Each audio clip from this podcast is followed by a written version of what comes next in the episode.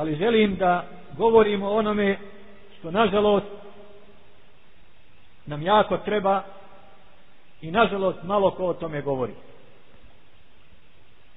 Vrlo lahko i vrlo često ljudi zapanu u konflikte u sukobe nesuglasice. Počinje šetan da rovari. I najčešće ih niko ne miri. A teško je da se oni sami miri jer oni su se udaljili.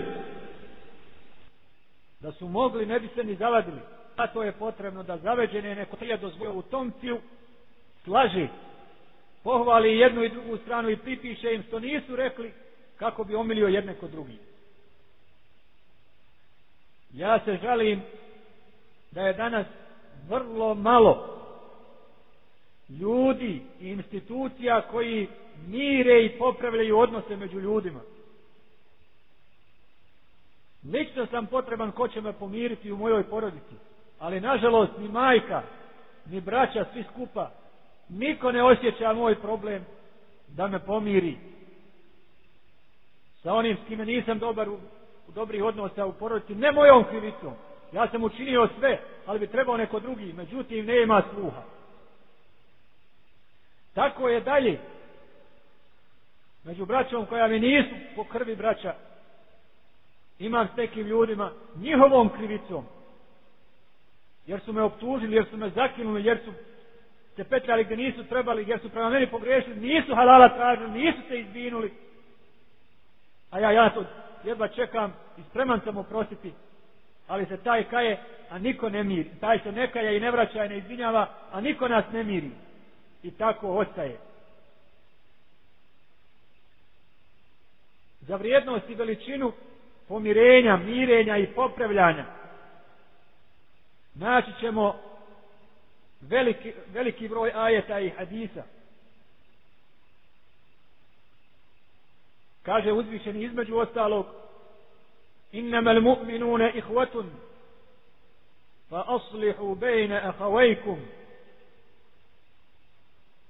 muslimani su braća jedan drugom ništa drugo. Pa pomirite dva svoja brata. Popravite dejne između vaše braće što je nastalo što nije u redu. Zatim kaže vosulhu hajir pomirenje popravak je hajir na zemlji ili vlada fesad ili salah ili ifsad ili islah. Ljudi će samo živeći na dunjaluku kvariti se, ne treba ih nešto kvariti jer je u prirodi. Ne treba da vas neko uprlja sami ćete se uprljati i treba ćete da se operete jer je takav naš život, priroda naša. Isto tako fesad i nered će doći samo od sebe. Početi će od male pa će se nagomilavati i rasti. Dok postane šteta i velika prepreka za napredak i normalan nastavak rada zajednički. Otuda je potreba da se čini stalni islah. Kaže uzvišene od bilahne šeitanu rađim oma kana Allahu li uazibahum va ente fihim oma kana Allahu يعذبهم وهم يستغفرون